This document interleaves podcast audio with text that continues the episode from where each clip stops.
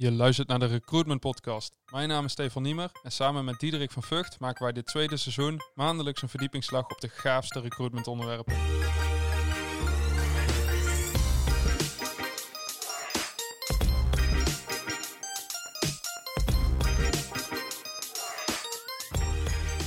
Hey Stefan. Hey Diederik, goedenavond. Uh, heb jij wel eens gehoord van de term je moet de kandidaat centraal stellen? Zeker, en de laatste tijd veel meer. Ja, wel hè. Je ziet hem ineens overal voorbij komen. In, in podcasts, nou dat doen we natuurlijk ook. Maar ook in uh, blogs, in, op LinkedIn. Ik, ik zie hem overal uh, voorbij komen. Maar ja, best wel een containerbegrip volgens mij nog. Misschien is het goed als we dat, uh, ja, dat we daarbij stilstaan. En eens even uitleggen van wat is het dan precies en waarom is dat dan zo belangrijk? Goed plan. Ik zie ook wel veel organisaties die er nog niet van gehoord hebben. Ja, dat, is ook wel leuk om even bij stil te staan hoe het die organisaties vergaat. Nou ja, precies. En ook waarom het dan zo belangrijk is. Hè? Waarom, waarom is het zo belangrijk om die kandidaten centraal te stellen? Dat was al wel belangrijk, hè? want het is natuurlijk al langer krap. Uh, maar vandaag bijvoorbeeld weer artikel, er weer een nieuw record verbroken. Hè? met, met mobiliteit op de arbeidsmarkt is minimaal. Uh, maar ook het, het opbestaande vacatures is weer een nieuw record verbroken. Uh, dus ja, dan is het gewoon super belangrijk dat je dus wel inderdaad die kandidaat centraal staat. Maar hoe doe je dat dan? Laten we daar eens op inzoomen. Waar we natuurlijk ook uh, over hadden, um, is dat het eigenlijk helemaal om is gekeerd. Hè? Het was altijd een organisatiemarkt waarbij je uh, als organisatie kon kiezen uit, uit medewerkers. Uh, en je ziet dat dat gewoon helemaal is omgedraaid. Hè? Je mag blij zijn als een kandidaat voor jou kiest. Maar uh, nee, het is natuurlijk een krappe arbeidsmarkt. En het is natuurlijk super belangrijk dat je dus die kandidaat centraal stelt. Um, hè, waar je vroeger zag dat je als, als kandidaat moest je echt solliciteren bij een organisatie. Hè, met enorme drempels. En, en je ziet bij veel organisaties is dat al wel iets aan het afnemen, maar nog niet helemaal optimaal. Um, maar ja, het is, het is, nu eigenlijk andersom. Hè? Dus, dus die kandidaat, uh, die, tenminste de werkgever, die solliciteert bij de kandidaat. Er is zoveel keuze. Uh, dus, dus je ziet gewoon dat het beeld helemaal anders is. Ja, eigenlijk alle branches volgens mij nu. Ja, ja inmiddels echt, wel. Hè? Ja. ja. En dat, heel veel branches kenden het denk ik ook al, maar die, die werkgevers ja. waren er ook al wat meer op aangepast. Maar nu krijg je ook echt de, de oude garde. Uh, Juriaan had daar een heel tof postje over gedaan ook, van Klopt. wat er allemaal verandert en hoe, hoe die hiring managers nog moet opvoeden. Klopt, ja. Uh, maar dat, dat is het ook echt. Ik bedoel, als je nu niet meegaat, dan durf denk ik wel te stellen dat als je je niet, niet gaat aanpassen aan, uh, aan de kandidatenmarkt, ja. dus je, je blijft kandidaten behandelen alsof het uh, één in de dozijn is, uh, twee sollicitatiegesprekken en bewijs je maar is. Ik denk dat die organisaties geen bestaansrecht meer hebben als dit zo doorgaat, die markt. Nee, ja, ik denk dat het in ieder geval heel erg lastig is uh, om, uh, ja, om nog te groeien. Hè? Want dat zie je natuurlijk ook. Uh, hè, de, de economische groei, het is nu natuurlijk weer lastig met corona, maar die wordt ook enorm gedempt door het personeelstekort. Dat, dat, dat, zie je natuurlijk wel. Hè? Dus organisaties die, waarbij de groei stilstaat of, of zelfs terugloopt of, of minder gaat dan verwacht, omdat ze gewoon niet aan de mensen, juist de mensen kunnen komen. Ja, en mensen lopen natuurlijk gewoon weg. Op het moment dat jij ja. niet zoveel met mensen hebt, dus kandidaat centraal stellen. Maar je kan natuurlijk ook zeggen, je moet je medewerkers nog meer centraal stellen. Ja, ja dan ook, kijk, de uh, kandidaat centraal stellen, daar zit natuurlijk ook wel een stukje in, vind ik, hè, maar daar hebben we het al vaker over gehad, is die kandidaat veel meer kijken naar competentie en talent. Hè, want er, er, zijn, er is nog 1 miljoen uh, onbenut arbeidspotentieel in Nederland. Hè, maar dat, dat, zijn, ja, dat zijn van alle soorten doelgroepen. Uh, maar gewoon dat organisaties ook nog vaak zo traditioneel kijken naar kandidaten en, en hoe ze hun proces hebben ingericht, ja, zie je vaak dat het, dat het dan daarop afhaakt. En dat is ook gewoon eeuwig zonde. Helemaal met je eens. Ja. Wat, uh, wat versta jij eronder? Hoe, uh, hoe, ik ben nu een organisatie en ik wil beginnen met de kandidaat centraal stellen. Ja. Wat, uh, waar begin je mee? Ja, nou, ik denk dat het goed is om uit te vragen. Hè, want het is natuurlijk, ja, je kunt niet iedereen over één kam scheren. Dus, dus dat is natuurlijk per doelgroep zal het verschillend zijn. Um, hè, kijk, ik kan me voorstellen dat bijvoorbeeld bij een managementfunctie wil je wel een assessment. Maar ik zie ook nog vaak assessments voor bijvoorbeeld de HR-functies. Ja, dan vraag ik me al af van ja, waarom? Uh, hè, want dat is ook gewoon een enorme schaarse doelgroep. Waarom zou je daar dan nog zo'n enorme drempel voor opwerpen? Wees blij als je iemand hebt. En, en hè, wat je natuurlijk wel kan doen is gaan kijken van nou, welke competenties heeft die persoon nodig binnen onze organisatie en ga dat uitvragen. Maar dat hoeft volgens mij niet altijd met een assessment. Dus juist voor een kandidaat heel erg spannend en een enorme drempel die je weer opwerpt. Zeker als je dat aan de voorkant van je proces doet. Ehm, dus, dus ik denk daar naar kijken. Dus kijk naar de medewerker, de type mens die binnen je organisatie zit, of, of hè, meerdere personen. En ga kijken wat die mensen willen. Hoe kun je hun centraal stellen in het proces? Maar ook wat ik net zei, is ga veel meer kijken naar talenten en competenties. want dan stel je de uh, kandidaat ook centraal. Dan is het niet meer van, ja, deze heeft geen vier jaar ervaring of uh, deze is wel projectleider. Ehm, maar die, die komt uit de werkgebouwkunde. Nee, ja, dan, dan, dan, is het niemand, dan is het niet iemand voor de elektrotechniek. Ik, ik noem maar even wat hoor. Mm Ehm, maar dan, dan blijf je echt nog klassiek denken. Hè? Terwijl je zou zeggen, tenminste ik denk dan altijd, van ja, maar het is wel een projectleider. Dus, dus als het goed is, is het een goede projectleider, want dat doet hij al een aantal jaren. Uh, en als je dan alleen niet weet hoe die machine is gebouwd, ja, dan kan hij dat stukje wel bijleren. En ik denk dat daar zit voor mij ook wel echt de kandidaten centraal stellen in. Hoe, hoe stuur je dan die projectleider naar je klanten toe als je niet eens weet hoe de machines werkt? Ja, dat, bedoel, dat is ja, wat je veel teruggekoppeld krijgt vanuit... Uh... Ja, precies. Maar dat is dan gewoon maatwerking. Dat is dan weer denken in problemen in plaats van oplossingen. Hè, dan kun je natuurlijk ook zeggen van ja, maar ik stuur de eerste twee maanden stuur ik bijvoorbeeld de werkvoorbereiding of de calculator stuur ik mee. Maar die manier van denken, dat, dat vinden veel organisaties nog wel uh, lastig. Um, ja, ja, en wat je verder daarin ziet, is natuurlijk ook die kandidaat centraal stellen is. Maar dat begint met alles. Hè. Je ATS-systeem, bij je werken bij je website, hoe je procedure hebt ingeregeld. Heb je vier gesprekken, heb je acht gesprekken. Uh, als je het eerste gesprek hebt, zit je dan aan een hele peloton uh, aan tafel. Dat zie je natuurlijk ook nog wel eens, gebeuren. Hè. Dus dan moet je op sollicitatiegesprek, dan krijg je een mail. Uh, en dan, moet, dan word je onderworpen aan een selectiecommissie van vier, vijf man. Ja, dat is helemaal niet vriendelijk, want je wil juist die gelijkwaardigheid creëren. Ja, en ik denk ook wel dat het, uh, dat het al veel eerder begint. Het begint al in je, in je werving naar buiten. Ja, zeker. Uh, stel je bijvoorbeeld persona's op, zodat je al echt al gedetailleerd gaat kijken naar... Uh, kan mijn potentiële kandidaat zich in deze organisatie identificeren? En probeer je dat al zo centraal mogelijk te stellen. Ja, misschien nog dus- wel zelfs een stap daarvoor. Hè. Natuurlijk wat wij zelf ook veel doen, maar met recruitment marketing. Dus laat zien wie je als organisatie bent uh, en waar je voor staat. Want dan kan die kandidaat ook veel beter een keuze maken van... oké, is dit een merk waar ik me mee kan identificeren of niet? Hè? Of, of, pas ik hierbij of niet? Uh, ja, als je dat pas doet op het moment dat, je, dat iemand gaat solliciteren... en een vacaturetekst lezen, dan wordt het ook al wel heel erg lastig, hè? Mm Ja, en hoe komen ze, wanneer gaan ze jouw vacaturetekst lezen inderdaad? Dan ja. je ook al wat meer dus met persona's werken en die mensen echt triggeren op wat zij willen horen. Ja, dus ga er ook eens over nadenken van wat willen zij horen. Volgens mij hebben we dit ook al in de, in de vorige podcast besproken. Maar uh, je komt ook niet meer weg met, uh, uh, met de marktconforme arbeidsvoorwaarden en misschien ja, een keer een tafel voetbal voor in de pauzes. Maar ga echt eens kijken van wat heb ik als organisatie te bieden? Wat is mijn verhaal? Hebben wij een visie waar mensen zich in kunnen identificeren of waar mensen aan mee willen bouwen? Of Um, doen wij, uh, hebben wij een functieschaal hoger? Zitten wij wel in 40 in plaats van 35? Of, maar wat is het? Wat is het dat iemand, want ieder, degene die je zoekt zit nu in een andere baan, 100%. Ja, ja nou zeker. Of als hij thuis zit, maar dan, uh, dan moet je heel creatief van denken, want dan zal er vast iets aan de hand zijn. Maar hoe ga je iemand van de ene baan naar de andere krijgen? En volgens mij moet je dan echt gaan kijken van hoe, uh, hoe kan die kandidaat, wat heb ik te bieden, wat die kandidaat echt uh, die overstap laat maken. En op het moment dat je dat doet, dan ga je ook voor die duurzame inzetbaarheid, denk ik. Ja, Als iemand echt kiest voor intrinsieke voorwaarden die, die jij te bieden hebt, dan hoeft hij ook niet meer weg.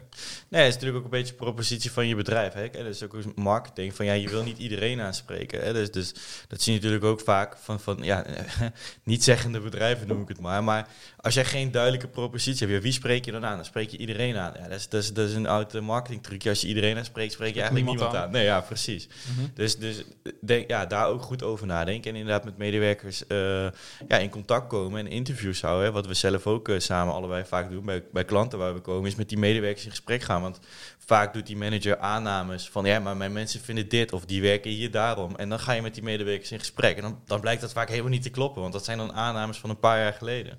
Ja. Uh, terwijl als je met die medewerkers in gesprek gaat van wat drijft jullie, uh, waarom werken jullie hier, wat was er anders dan bij je vorige werkgever, uh, ja, dan komen er echt goede antwoorden uit waar, waarmee je dus ook hey, je, je propositie kan versterken. Nou, merk je niet dat ehm, dat die vaak dan niet eens op één lijn zitten. Dus dat de werkgever heel graag wil dat het bepaalde aspecten zijn, maar uh, het zijn andere. En ja. dat daar nog een, een ja, lijn in zit. Ja, zeker. Kijk, het is ook niet gek natuurlijk. Op zich, die manager is natuurlijk niet dagelijks mee bezig. En die denkt van, als er mensen zitten, dan is het goed. Uh, maar eigenlijk is het wel leuk om te vragen aan elke medewerker van... hoe ben je terechtgekomen en waarom heb je nou uiteindelijk voor deze baan gekozen? En waarom niet, niet voor... Misschien had je, je waarschijnlijk had je meerdere opties. Uh, waarom dan toch voor ons? Hè? Want juist die informatie is super cruciaal. Daar weer Ja. naar buiten treden. Ja, zeker. Ja. En zeker in een markt waar, waarin je ziet dat kandidaten echt steeds kritischer worden ook. Hè? Ik weet niet of jij dat ook eh, zo ziet, maar ja, Mhm. kandidaten worden steeds kritischer. En steeds meer verwachtingen ook naar jou toe als, als, als recruiter en als organisatie toe. Zie jij dat ook zo of niet? Ja, maar je ziet ook dat er veel meer mogelijk is. Want als je nu naar vacaturetekst gaat kijken, de, de organisa- er zijn heel veel organisaties die hele rare sprongen op dit moment maken, omdat ze wanhopig zijn. Ja. Dus wat wordt er in één keer geboden? Ja, je kan wel je kinderen naar school brengen s'morgens. Of je kan wel eh, eh, de helft van de tijd remote werken. Of je krijgt nu wel deze auto erbij. Ja. Dus eh dat weten kandidaten ook. Als ze over gaan stappen, is dit het moment om er alles uit te halen wat erin zit. Want ja. die markt is nog nooit zo schaars geweest. En Nee, dit is wel de kans. Ja, en dat, dat zit deels dan denk ik bij de kandidaat, maar ook deels bij als organisatie zijn. Hè? Dus eh, plan je bijvoorbeeld een afspraak in met de kandidaat, bellen wij vandaag en plan je iets over twee weken in, ja, dan kan ik je op een briefje geven dat die kandidaat of niet gaat op, in opkomen dagen, of hij laat niks meer van zich horen, of hij is inderdaad weg. Dus, dus hè, ook daar in dat proces, dat moet je gewoon strak managen. Ehm, ja, om, om inderdaad voor te zorgen dat je gewoon die kandidaten binnenhaalt. Een stukje snelheid is daarin ook echt gewoon super belangrijk. Ja. En niet alleen, eh, eh, het is ook op het moment dat iemand zich aanmeldt of solliciteert. Of, eh, dat is op dat moment wat diegene graag wil. Maar Ja. dat, dat kan ook heel snel weer anders zijn. En wij merken echt wel dat de kandidaten die dezelfde dag nog opgebeld worden, die zitten nog in die mindset. Die Ja. hebben er dan tijd voor, die weten dat dat gaat komen. Eh, die trek je best wel snel over de streep. Ja, zeker maar weten. zit jouw agenda helemaal vol en heb je pas over twee weken tijd om diegene te spreken en eh, plan je die over twee weken en dan moet nog een keer terugkomen. Dat, daar is de markt echt niet meer naar. Nee, nee, nee, zeker niet. Dus nee, daar zul je iets veel meer voor moeten doen. En ja, misschien is het leuk, hè, want we hebben nu ging best wel de diepte in meteen. Maar zijn er nog meer aspecten die je kan doen, hè, om in mooie recruitment termen te denken? Maar je hebt natuurlijk ook die candidate experience, daar hebben we het nu al deels over gehad. Maar zijn er dan nog aspecten die we missen? Want dat is natuurlijk wel heel erg belangrijk voor die kandidaat. Hoe is die kandidaatervaring met de organisatie? En dat, dat komt natuurlijk in alle facetten terug, maar Mhm. Ehm, ja, er zijn dingen die je denk ik altijd wel een eh, eh, moet doen. Maar dat is, eh, ja, hoeveel wil je er hebben? Wil je beginnen? Maar, ja, ik, dat- kijk, ik denk misschien is het goed om het rijtje af te gaan, maar dat begint, daar hebben we het over gehad. Hè, dus het begint aan de voorkant, dus, dus bij laten zien wie je bent.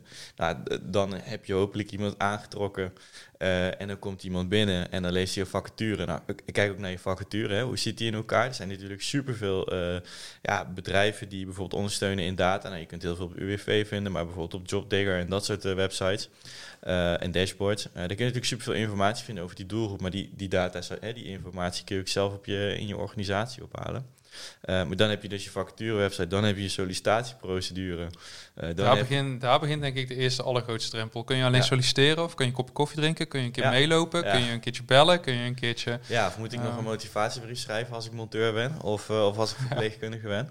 Ja, ik zie het nog steeds super vaak. Ik, ik, ik, vind, ik verbaas me er echt over. Ik ga vaak ga ik op werken bij websites kijken om te, te kijken van hoe hebben andere organisaties dat geregeld. En ja, daar schiet af en toe nog steeds een traan in je ogen inderdaad. Dat je gewoon ziet van ja, die motivatiebrief is nog verplicht of het is een moeilijk veld. En als ik hem dan mobile kijk, dan kan ik niet solliciteren. Eh, dus ja, dat, hè, over Maar kandidaat Spreek je die organisaties ook wel eens? Want ehm, nou ja, niet, ik spreek ze daar niet altijd op aan. Ik bedoel, dan zal ik er een dagtaak denk aan hebben. Maar het is af en toe wel leuk als ik dan een recruiter heb, bijvoorbeeld persoonlijk ken. eh, dan heb ik het er wel eens over van, hé, maar hoe, hoezo hebben jullie dat dan op die manier gedaan? Of, Ja, of, of zei dat bedoel ik ook. Ja, ja. Maar wat ik dan ook altijd wel terughoor, is dat daar dus geen sollicitanten binnenkomen. Dus die komen Nee, alleen maar nee, via via. Ja, of via bureaus. ja, bureaus. Ja. ja. En ja, gaat dat, dit- ja, gaat dat maar eens uitrekenen. Dan, Ja. Eh, maar op het moment is dat, eigenlijk kun je wel concluderen, op het moment dat jouw proces al niet helemaal meer van deze tijd is, eh, heb je gewoon geen recruitment. Dan ga je gewoon niet werven. Nee, nee, nee, nee, zeker niet als jij gewoon hè, de bakker of, of eh, de, de MKB'er op de hoek bent. eh, en, en zeker niet jou iedereen kent. Kijk, er zijn natuurlijk uitzonderingen. Bedrijven als Coolblue en zo, ja, die kent iedereen en vindt iedereen wel leuk om te werken. En ook die zie je dat die langzaam wel die transitie aan het doen zijn. En die waren natuurlijk altijd al heel erg sterk in eh, de hele kandidaatbeleving hè, en bedrijven als Rituals en zo. Maar ja, je ziet gewoon de MKB'er op de hoek die, die dat nog niet heeft. Ja, die, die moet daar echt in mee, want anders dan ga je straks echt niemand meer aannemen. Nee. Nee, dan ben je echt af, helemaal afhankelijk van bureaus. En ja, de vraag is of je dat wil. Ik vind het wel weer, eh, eh, ik vind het wel weer mooi dat recruitment nou hoog op de agenda komt bij iedereen. Want het wordt nu echt een probleem voor organisaties die daar weinig aandacht voor gehad hebben. En die komen nu allemaal, maar die zijn eigenlijk al, die zijn al te laat. Ja, Ja, klopt, zeker. Ja, maar als we hem even terugpakken naar, hè, dus hebben we vacature, dan, dan, hebben, dan krijg je het proces. Dus mensen komen op eerste, tweede, derde gesprek, uh, arbeidsvoorwaarden. Nou, hoe doe je dat? Hè, wordt dat een uh, saai mailtje met uh, van, nou Pieter, je gaat dit en dit verdienen. En met, met hele vriendelijke groeten van het recruitment team. Of maak je daar echt een feestelijk event van? Hè, ik, ik zelf heb altijd een beetje de vuistregel van, teken het hele proces uit. En ga kijken of je in elke stap van het proces de kandidaat kan overtreffen. Doe iets, dat kan iets heel kleins zijn. Hè? Maar ga kijken hoe je die kandidaat kan overtreffen in verwachting. Dat je denkt, van, dit had ik helemaal niet verwacht. En dat is juist heel erg leuk. En het kan soms heel simpel zijn en helemaal niet duur zijn. maar ja, organisaties staan er gewoon vaak niet bij stil. Heb je wat voorbeeldjes van dingen die... Uh...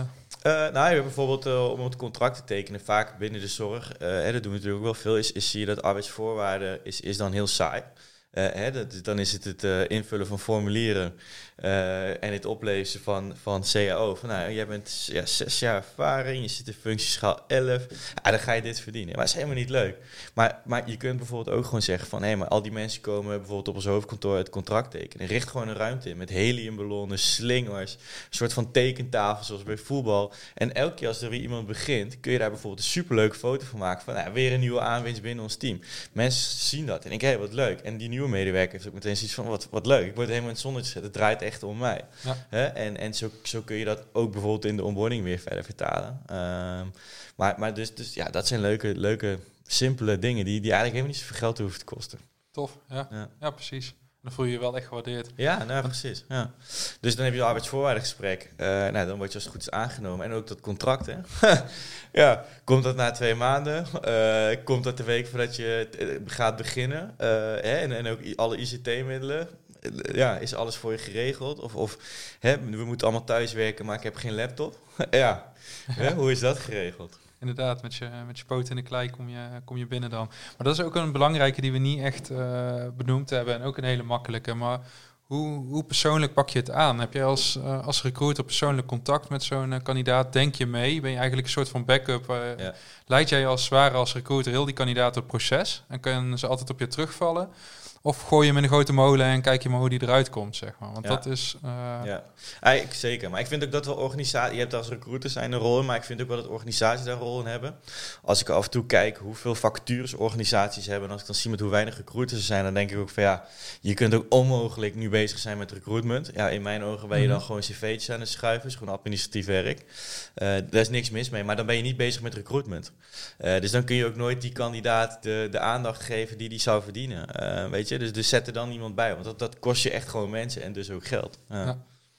Dat is misschien ook nog wel een superleuk onderwerp. Moeten we al die, dat zeggen we wel vaker, dat is ook wel een leuk onderwerp. Daar moeten we eens uit gaan putten. Maar uh, beleg je bijvoorbeeld recruitment centraal in een organisatie? Laat je het aan de, aan de managers over? Of heb je dus een centrale recruitment afdeling? Ja. En het verschil ook daartegen tussen. Want op het moment dat je het dus bij die managers belegt, van 9 van de 10 managers is het bij hun niet dat ze weten hoe je een kandidaat centraal stelt. Of hoe de markt in elkaar zit. Of nee, ja, je ziet dan een klassiek beeld van ja, ja, als ze niet eens een brief willen schrijven, dan, eh, dan zijn ze ook niet, uh, zijn ze niet gemotiveerd. Nee, Dan, dan, willen we ze ook niet hebben. Ah. Ja, dat is echt een vertekend beeld van, van de arbeidsmarkt. Maar dat is ook niet gek, want ja, een manager is vaak bezig hè, met, met het runnen van de dag en ervoor zorgen dat het team in ieder geval draait. Maar ja, dus, dus het is ook heel afhankelijk van, hè, je vertelde net de vraag van, ja, moet je dat centraal doen of decentraal? Ja, het is ook heel erg verschillend per organisatie. Grootte, cultuur, uh, hoe is het ingericht? ja, echt mhm. afhankelijk van dat soort factoren. Nee, maar ook in deze, deze krap arbeidsmarkt, waar je centraal uh, of waar je een kandidaat centraal in wil stellen, kan dat met een decentrale uh, organisatie. Op het moment dat jij dus uh, 80 hiring managers heeft en iedereen heeft zijn eigen manier, ja. Is dat nog wel van deze tijd?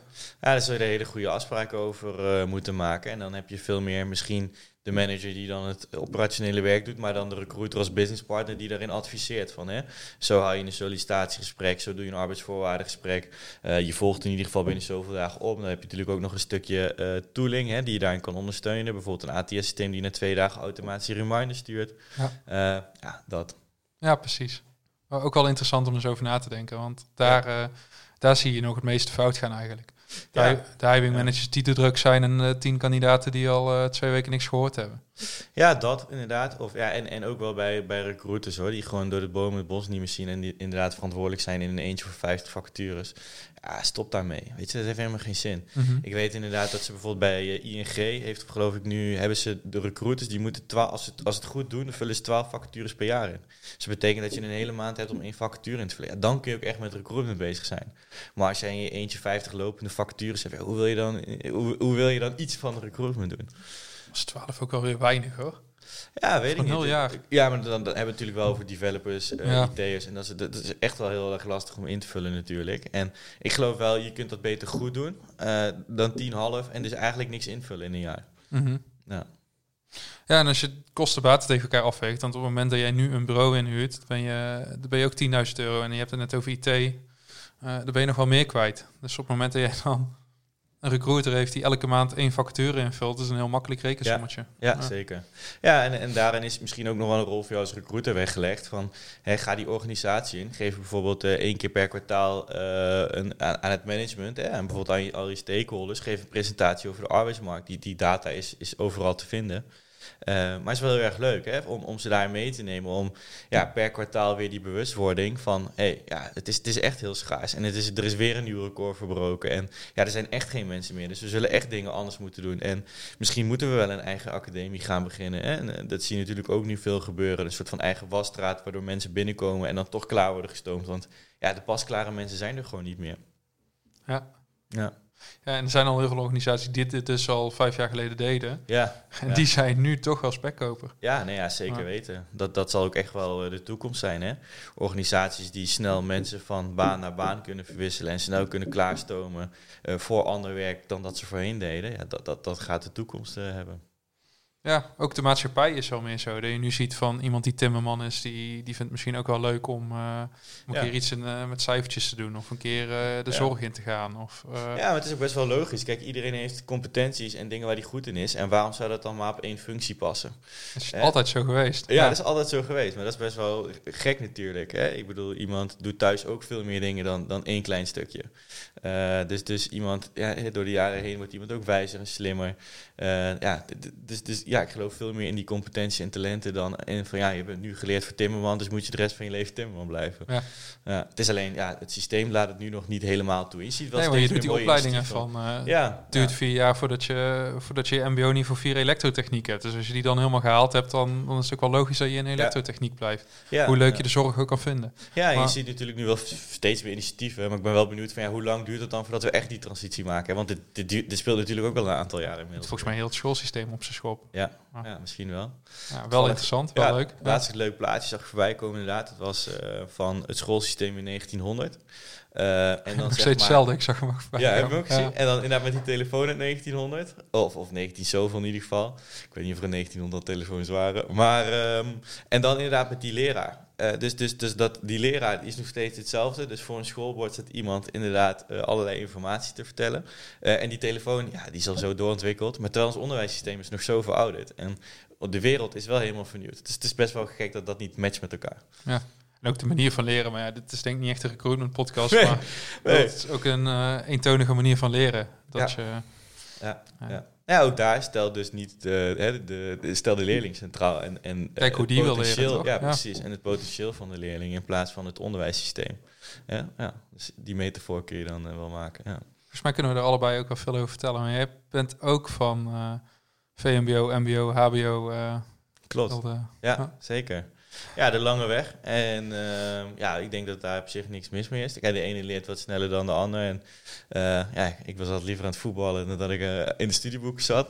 En op een gegeven moment, dan, kom je er toch wel. En ik denk dat dat ook niet slecht is. Iedereen doet het op zijn eigen manier. En eh, ja, hoeft niet slecht te zijn volgens mij. Nee, zeker niet. Zeker niet, maar dan merk je ook van misschien als een andere manier van leren voor jou relevanter, waardoor je wel in één keer. eh, Ja, nee, zo zie ik het voor mezelf in ieder geval. Ja, het is, het is dus zo dat niet hè, one size fits all. Dat, dat, dat geldt ook niet in het onderwijssysteem, maar ook niet, niet in, ehm, hè, in, in ons organisatiestructuur en in, in hoe je recruitment inricht. Je zult dat, hè, nou, het persoon, hè, je zult het echt per, per doelgroep zul je dat moeten afstemmen. En dat geldt ook hè, voor die doelgroep inderdaad op school. De ene doet eh, van HAVO naar HBO en, en, en misschien nog universiteit. En de andere doet VWO universiteit en is dan klaar. Iedereen heeft erin zijn eigen weg. En dat geldt ook inderdaad voor eh, binnen organisaties.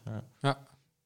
En dat is ook wel weer een leuk bruggetje naar, uh, naar stel de kandidaat centraal. Dat betekent dus ook dat je uh, breder naar die kandidaat moet en kan gaan kijken. Dus uh, wat er nu eigenlijk gebeurt is, je hebt minimaal een HBO nodig, anders lig je meteen naast zijn stapel, maar er solliciteert niemand. Dus we moeten gaan breder gaan kijken van, past iemand met MBO dan ook wel niet? Volgens mij komen er steeds meer organisaties achter van, hé, hey, maar die MBO is eigenlijk veel praktischer. En, ja, dan niet alleen, maar het is ook, we kijken heel erg naar functies. Uh, en waar we misschien veel meer naar zouden moeten kijken is competenties. taken. Ja, competenties sowieso, maar ook taken. Uh, dus bijvoorbeeld, uh, ik heb het laatst gehad met een klant die zocht begeleiders. Maar dat moest minimaal niveau 4 zijn in HBO en niveau 3 mocht niet. Terwijl er zaten echt hele goede begeleiders tussen, niveau 3. Maar die mochten niet starten, want dat was bepaald. En dat moest minimaal niveau 4 zijn, want anders moesten ze nog een opleiding doen. En dan mochten ze niet alleen op de groep staan of mochten ze geen persoonlijk begeleider worden. maar ik denk dan, oké, maar ga nou kijken, als, als je die niet kan vinden en die niveau 3 is wel, ga dan kijken welke taken je kan weghalen bij die niveau 4 en HBO-kandidaten die bijvoorbeeld die niveau 3 weer kunnen doen. En dan ben je, vind ik, innovatief aan het kijken naar uh, uren invullen en capaciteit. Uh, en dat, dat zie je ook nog maar weinig gebeuren. Ja, klopt. Zijn ze nou wel met, daar heb je al die functies zoals helpende voor ge, zijn ervoor gecreëerd en op een gegeven moment ja, corona, nou, Ja, in corona zag je dus dat het ineens wel kon. Hè? Maar dan, dan, is het noodzaak en op een of andere manier wordt er dan toch niet, niet altijd even goed op doorgepakt. En het is natuurlijk, er zijn ook veel voor- en nadelen voor te benoemen. Hè? Want ik bedoel, als jij alle taken gaat weghalen bij een verpleegkundige, zodat hij alleen nog maar verpleegkundige handelingen kan eh, gaan doen, okay, hoe saai wordt de functie dan? Ja, dat is een ander uiterste. Ja, nee, maar bij eh, wijze van spreken is er natuurlijk wel... Uh, ja, nee, dat klopt. Hey, we, sluiten natuurlijk altijd af uh, met die drie tips, hè? Zijn we er al helemaal doorheen? Ik dacht dat we nog de hele candidate journey gingen bespreken. Je wil je de hele candidate journey nog doen? Nou, misschien voor, de, voor een andere keer. Ja, laten we dat doen. Of wil jij, eh, kan je met een notendop even... Ja, eigenlijk die candidate journey hebben we natuurlijk al wel benoemd. Hè. Dat, is, dat, is, dat is de kandidatenreis, hoe je het ervaart als kandidaat. En we hebben net het hele proces blootgelegd. En, en uh, doe dat voor jezelf ook hè, morgen bewijs van. Ga gewoon op een papiertje uittekenen op welke momenten is er allemaal contact met de kandidaat. En ga kijken, oké, hoe doen we dat dan nu? En hoe kunnen we dat eventueel leuker of kandidaatvriendelijker maken? Eh, kijk, en dan heb je het over de candidate journey en dan ben je die aan het verbeteren. Dus ja, eigenlijk hebben we die al wel genoemd.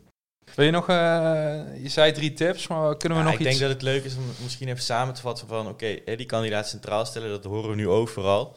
Maar wat, wat zijn nou de drie belangrijkste dingen om daarin te doen? Ik denk dat je moet beginnen met uh, anders kijken naar de, naar de kandidaten. Ja. Dus echt breder gaan kijken van, uh, oké, ik heb altijd dit gezocht. En uh, leuk voorbeeld voor jou net van die projectleider wegenbouw. zou dat eventueel ook een goede projectleider voor de industriële automatisering kunnen zijn? Ja, ik hoor al die hiring managers al nee zeggen. maar ik, bedoel... ik hoor ze ook in mijn hoofd. Ik hoor alle bezwaren al voorbij komen. maar die competenties die die man heeft, zijn we natuurlijk wel de competenties die je zoekt. Goed leiding kunnen geven, projecten kunnen, kunnen budgetteren, uh, overzicht kunnen houden, klantmanagement kunnen, verwachtingmanagement kunnen doen. Ik bedoel, volgens mij tik ik alle boxjes af die ik in die vacature tekst ga lezen. Precies. Dus uh, ga anders naar de kandidaat kijken. Uh, ik denk dat je hem daarmee al veel centraler stelt. Ja. ja, ik denk dat dat inderdaad heel belangrijk is. En ook één uh, als organisatie zijn, dan moet je beseffen dat die kandidaat niet meer bij jou solliciteert, maar dat jij solliciteert bij die kandidaat. En dat is een hele andere denkwijze en daar moet je helemaal op ingericht worden. Ja, en dat betekent dat je dus niet meer uh, de kandidaat, uh, die hoeft zich niet meer naar jou te overtuigen, maar jij moet de kandidaat gaan verleiden en laten zien hoe tof het is. Ja. Dus de kandidaat zit aan tafel met zijn handen over, de, ja. Ja, over zijn schouders van bewijs jij maar eens waarom het hier zo leuk is. Ja, en een belangrijke daarvoor is natuurlijk recruitment marketing. Hè. De voorkant hebben we natuurlijk ook een hele mooie podcast over. Ik zal zeker even luisteren als ik jullie was. Nee, maar dus, dus, daar begint al mee, hè, met dat stukje verleiding, zeker mhm. weten. Ja. ja, maar dus ook niet meer uh, bewijs maar eens waarom je hier zo goed, uh, goed past, maar meer van Nee, en, ook niet met, en alsjeblieft ook niet meer met die hele selectiecommissie. Je wil het gewoon gelijkwaardig houden. Iemand komt gewoon bij jou op gesprek, je gaat kennis maken, pas, passen we eventueel bij elkaar. En wil ik als sollicitant voor jouw organisatie werken? Dat is al heel anders als we zetten acht man op een rij als een soort van peloton en uh, nou, we gaan de vragen op afvuren. Ja. Eens even kijken of die wel geschikt is of niet. Ja, dat is uit de boze. Hey, maar veel gehoorde bezwaar daarop is van, ja, het wordt wel veel moeilijker solliciteren als ik alleen maar aan het overtuigen en aan het verleiden ben. Want hoe weet ik dan of die kandidaat ook wel echt geschikt is? Hoe toets ik dat nog als ik alleen maar bezig ben en maar laten zien hoe leuk het hier is? Dat mag wel. Maar je kunt ook nog steeds wel competenties uitvragen. Dus dat is nog steeds wel erg belangrijk. Uh, maar, maar, vaak gaan we gewoon het cv zitten opnoemen. Zie je hier drie jaar uh, bij Bosch hebt gezeten. Kun je me vertellen wat je daar hebt gedaan? Maar, mm-hmm. maar dat is helemaal niet interessant. Want dan ben je alleen maar vragen aan het afvuren. Ja, maar een tweede gesprek bijvoorbeeld moet je eigenlijk al niet meer doen. Zorg gewoon dat het eerste gesprek... Nee, maar zorg ook gewoon dat er input is voor de kandidaat. Dat de kandidaat ook ruimte heeft om vragen te stellen. Um, en je, tuurlijk, je wil, je wil die match maken. Hè? Dus, dus dat moet je zeker wel goed doen. Want je wil niet iedereen aannemen. Dus, dus je kunt dat best wel uitvragen. Maar zorg er wel voor dat het gelijkwaardig is, zo'n gesprek. Ja. ja, inderdaad. En dat je dus uh, concreter, uh, niet eerst recruitment en daarna een keer HR met hiring manager. Maar zorg gewoon dat ze meteen, dat je samen met de hiring manager het gesprek doet. Zodat je meteen allebei hebt kunnen toetsen. En niet nog een keer terug hoeft te komen. Of ja. dat je... Ja. Um, ja, precies. Of laat ook gewoon een collega aansluiten, zodat hij alvast met een nieuwe collega kan praten.